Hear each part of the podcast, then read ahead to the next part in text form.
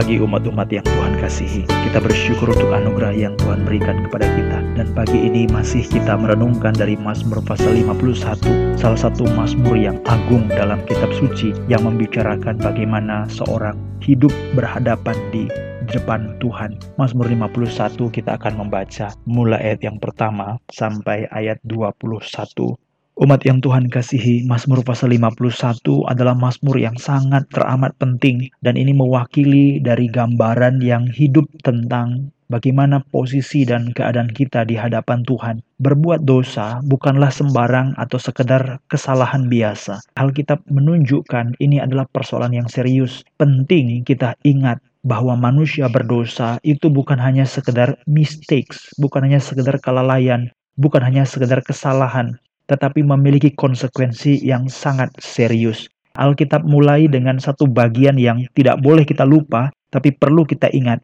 Kita mulai dengan pengertian jiwa kita, roh kita hancur pada waktu kita berdosa. Sungguh-sungguh itu benar-benar. Sehingga pada waktu kita membaca dalam ayat 13 misalnya, jangan membuang aku dari hadapanmu, jangan mengambil rohmu yang kudus daripadaku.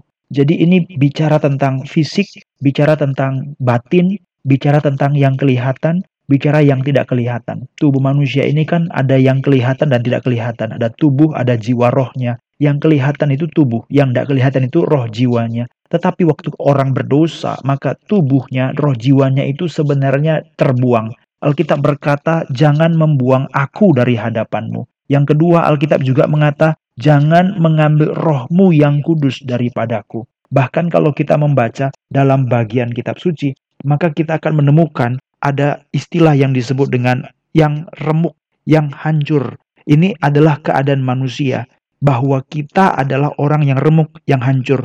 Bahkan saya ingin tambahkan lagi dalam ayat 16, kita disebut sebagai orang yang hutang darah. Sekali lagi, hutang darah. Jadi orang berdosa itu serius sekali saudara-saudara. Terbuang dari hadapan Tuhan. Pada waktu Adam dan Hawa berdosa, maka mereka harus dibuang, harus dikeluarkan dari Taman Eden. Dan supaya mereka jangan masuk, maka ditempatkan kerub di bagian timur dengan pedang yang bernyala-nyala. Mereka masuk, mereka mati, terbuang dari hadapan Allah. Kain terbuang dari hadapan Allah. Orang berdosa terbuang dari hadapan Allah. Itu sebabnya dosa merupakan hal yang serius. Dosa bukan anggap enteng. Dosa bukan hal yang lumrah, dosa bukan manusiawi. Ada begitu banyak orang merasa bohong itu tidak masalah. Ada begitu banyak orang berdusta, menipu, merayu, membujuk, cabang lidah, itu tidak masalah. Engkau terbuang di hadapan Allah. Alkitab berkata, hutang darah, hutang darah. Sebelum saudara sampai pada pengertian ini, saudara tidak akan ngerti apa itu pengampunan. Itu sebabnya pada waktu orang datang kepada Allah, dalam ayat yang ke-19,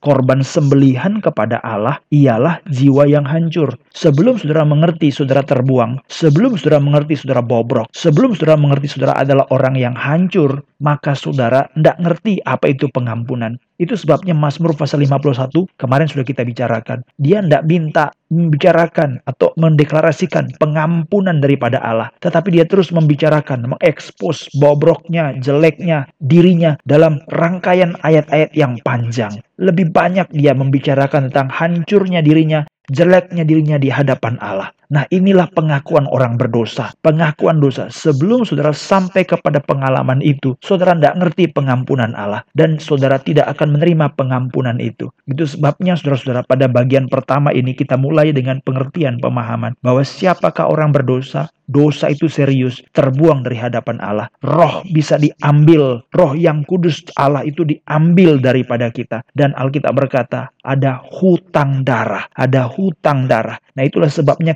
Kristus harus mati di kayu salib. Kristus harus mencurahkan darah karena dosa itu adalah hutang darah. Ini bukan hal anggap enteng penghinaan dan merendahkan standar dan pengertian tentang dosa dan kekudusan Allah, maka engkau menghina darah Kristus. Ayat 19. Waktu orang datang kepada Tuhan, jiwa yang hancur, hati yang patah dan remuk, tidak kau pandang hina ya Allah. Nah itulah korban yang sejati. Kalau kita bandingkan dalam Mazmur pasal 32, korban apakah yang diinginkan Tuhan? Bukan korban pengampunan dosa, tapi pengakuan dosa. Pengakuan itu bagaimana? Mazmur 51:19. Jiwa yang hancur, hati yang patah remuk tidak kau pandang hina. Sebelum saudara sampai kehancuran, keremukan daripada jiwamu di hadapan Tuhan, keseriusan saudara memandang dosa pada waktu engkau berdosa dan engkau serius menanggapinya, engkau tidak ngerti pengampunan Allah. Saya masuk pada bagian berikut. Pada waktu kita membaca Mazmur pasal 51, kalau kita akan melihat apa yang dimintakan pada Mazmur pasal 51 yang ditunjukkan kepada kita, Alkitab membicarakan ini bukan bukan hanya sekedar Allah mengampuni. Yang diminta bukan hanya sekedar Allah melupakan, tapi Allah menghapuskan. Saudara bisa bedakan arti kata ini ya. Kalau saudara melupakan, seolah-olah sudah terjadi tapi tidak terjadi lagi. Sudah terjadi tapi tidak ada lagi yang terjadi. Seolah-olah ini hanya dilewatkan pandangan. Tapi Alkitab tidak membicarakan itu. Alkitab membicarakan pengakuan dosa itu adalah dihapuskan. Jadi dihapuskan itu adalah sesuatu yang ada, lalu dia harus dibersihkan, dia harus dihapuskan. Jadi eksistensinya, keberadaannya itu menjadi hilang. Pengakuan dosa itu bukan sekedar maaf, saudara-saudara. Pengakuan dosa itu adalah eksistensi, keberadaan dosa, pelanggaran itu, itu harus bersih, itu harus hapus. Jadi nol dia. Mazmur 51, dia tidak berkata, Tuhan aku berdosa, palingkanlah wajahmu dari dosaku. Tidak. Kalau hanya palingkan, berarti dia lihat bukan dosa, tapi dosanya masih ada. Tapi Alkitab mengatakan, bukan palingkan wajahmu, tapi Alkitab mengatakan, hapuskanlah pelanggaranku. Jadi dosanya itu bukan di diabaikan, bukan dianggap ampun, maaf, selesai. Tidak, tapi dibereskan. Nah, itu bedanya dihapuskan. Jadi kalau saya masuk rumah, saya lihat debu, saya kalau memalingkan wajah, debunya masih ada, tapi yang saya lihat lagi bukan debu. Itu namanya memalingkan wajah. Dan Alkitab mengatakan juga ada kalimat itu ya. Palingkanlah wajahmu ya Tuhan. Tapi Alkitab dalam Mazmur pasal 15 itu tidak berkata kalimat seperti itu. Dia berkata hapuskan pelanggaranku. Berarti pelanggarannya itu harus dibereskan, harus diselesaikan. Mengapa ini merupakan kalimat yang penting, saudara-saudara? Karena kalau kita membicarakan, kalau kita melihat kerinduan dari Daud untuk menghapuskan membersihkan dari kotor berarti berarti bersih membersihkan maka kita bisa lihat ada standar yang diinginkan oleh Tuhan dalam Mazmur pasal yang ke-51, saudara, pada ayat 8, ada tiga hal yang bisa kita lihat dari ayat yang ke-8, 9, dan seterusnya. Yang pertama, Tuhan menginginkan atau berkenan dengan kebenaran. Mazmur 51 ayat yang ke-8. Jadi kenapa Daud tidak berkata, Tuhan palingkanlah wajahmu. Kenapa dia nggak ngomong kalimat seperti itu ya? Kenapa dia nggak ngomong, Tuhan janganlah pandang dosaku. Kenapa dia nggak ngomong seperti itu? Tapi dia berkata, hapuskanlah pelanggaranku. Kenapa hapuskanlah pelanggaranku? Karena dia tahu, Daud tahu, Tuhan menginginkan satu kebenaran. Yang kedua, dalam ayat yang ke-8, Tuhan menginginkan hikmat. Yang ketiga, Tuhan menginginkan kemurnian. Ayat yang ke-8 dan 9. Bersihkanlah aku daripada dosaku dengan hisop, maka aku menjadi tahir. Tahir, bersih, suci, murni, lebih putih daripada salju.